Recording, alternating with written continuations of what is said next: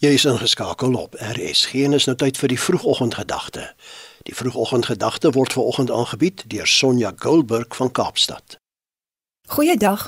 Ek wil hierdie week so 'n bietjie gesels oor die seëngebed van Aaron, soos wat ons in Numeri 6 vers 24 tot 26 lees. Daar word ook na hierdie gebed verwys as die uitstrek van die hande of dukanen wat platform beteken. So genoem omdat die seëning vanaf 'n verhewe rostrum uitgespreek word.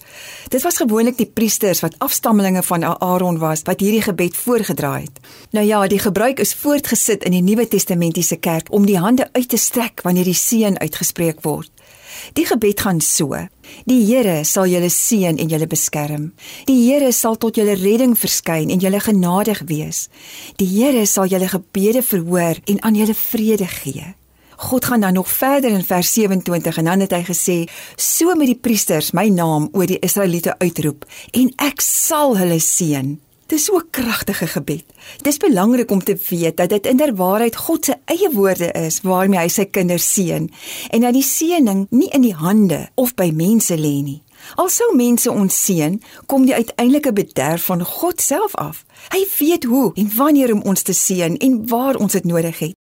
Ons gaan een van die dae Kersfees vier. Ons hardloop nou rond en raak vreeslik besig om dinge gedoen te kry vir Kersfees. Vir sommige mense is die Kersboom geskenke en eet is die heel belangrikste deel van hierdie viering. Vir ander gaan dit oor partytjies, drank en vriende. Dit gebeur so maklik dat ons dink ons seën moet in die materiële dinge lê, soos lang see vakansies of bootreise of nuwe motors. Maar Kersfees is eintlik Jesus Christus wat in 'n mensvorm aarde toe gekom het om vir ons sonde aan 'n kruis te sterf. Hy het opgestaan uit die dood en opgevaar hemel toe om vir ons 'n plek daar by God die Vader voor te berei. Jy sien, Jesus is besig om 'n tafel reg te maak vir ons koms. Hy het alreeds vir my en jou uitgenooi. As ons hom innooi in ons harte, dan kan ons mos hier op aarde al vrede hê omdat hy ons nou al seën. Ek en jy moet onthou dat wanneer God ons seën, dit ver meer waarde het as baie geld, gerief of ons menslike geluk. Die liefde, geluk en vrede wat hy gee, is iets wat alle verstand te bowe gaan, sê Filippense 4 vers 7 tot 11. Mag ek en jy met 'n passie hunker na hierdie soort geluk en vrede. Mag God ons help om ons gedagtes te rig op die dinge wat waar, rein, mooi, reg, edel en prysenswaardig is want dan sal jy seën ervaar. Kom ons bid saam.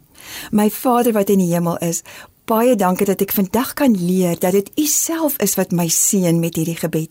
Dankie dat U beloftes daarin ook vir my waar is. Amen. Dit was die vroegoggendgedagte hier op RSG, aangebied deur Sonja Goldberg van Kaapstad.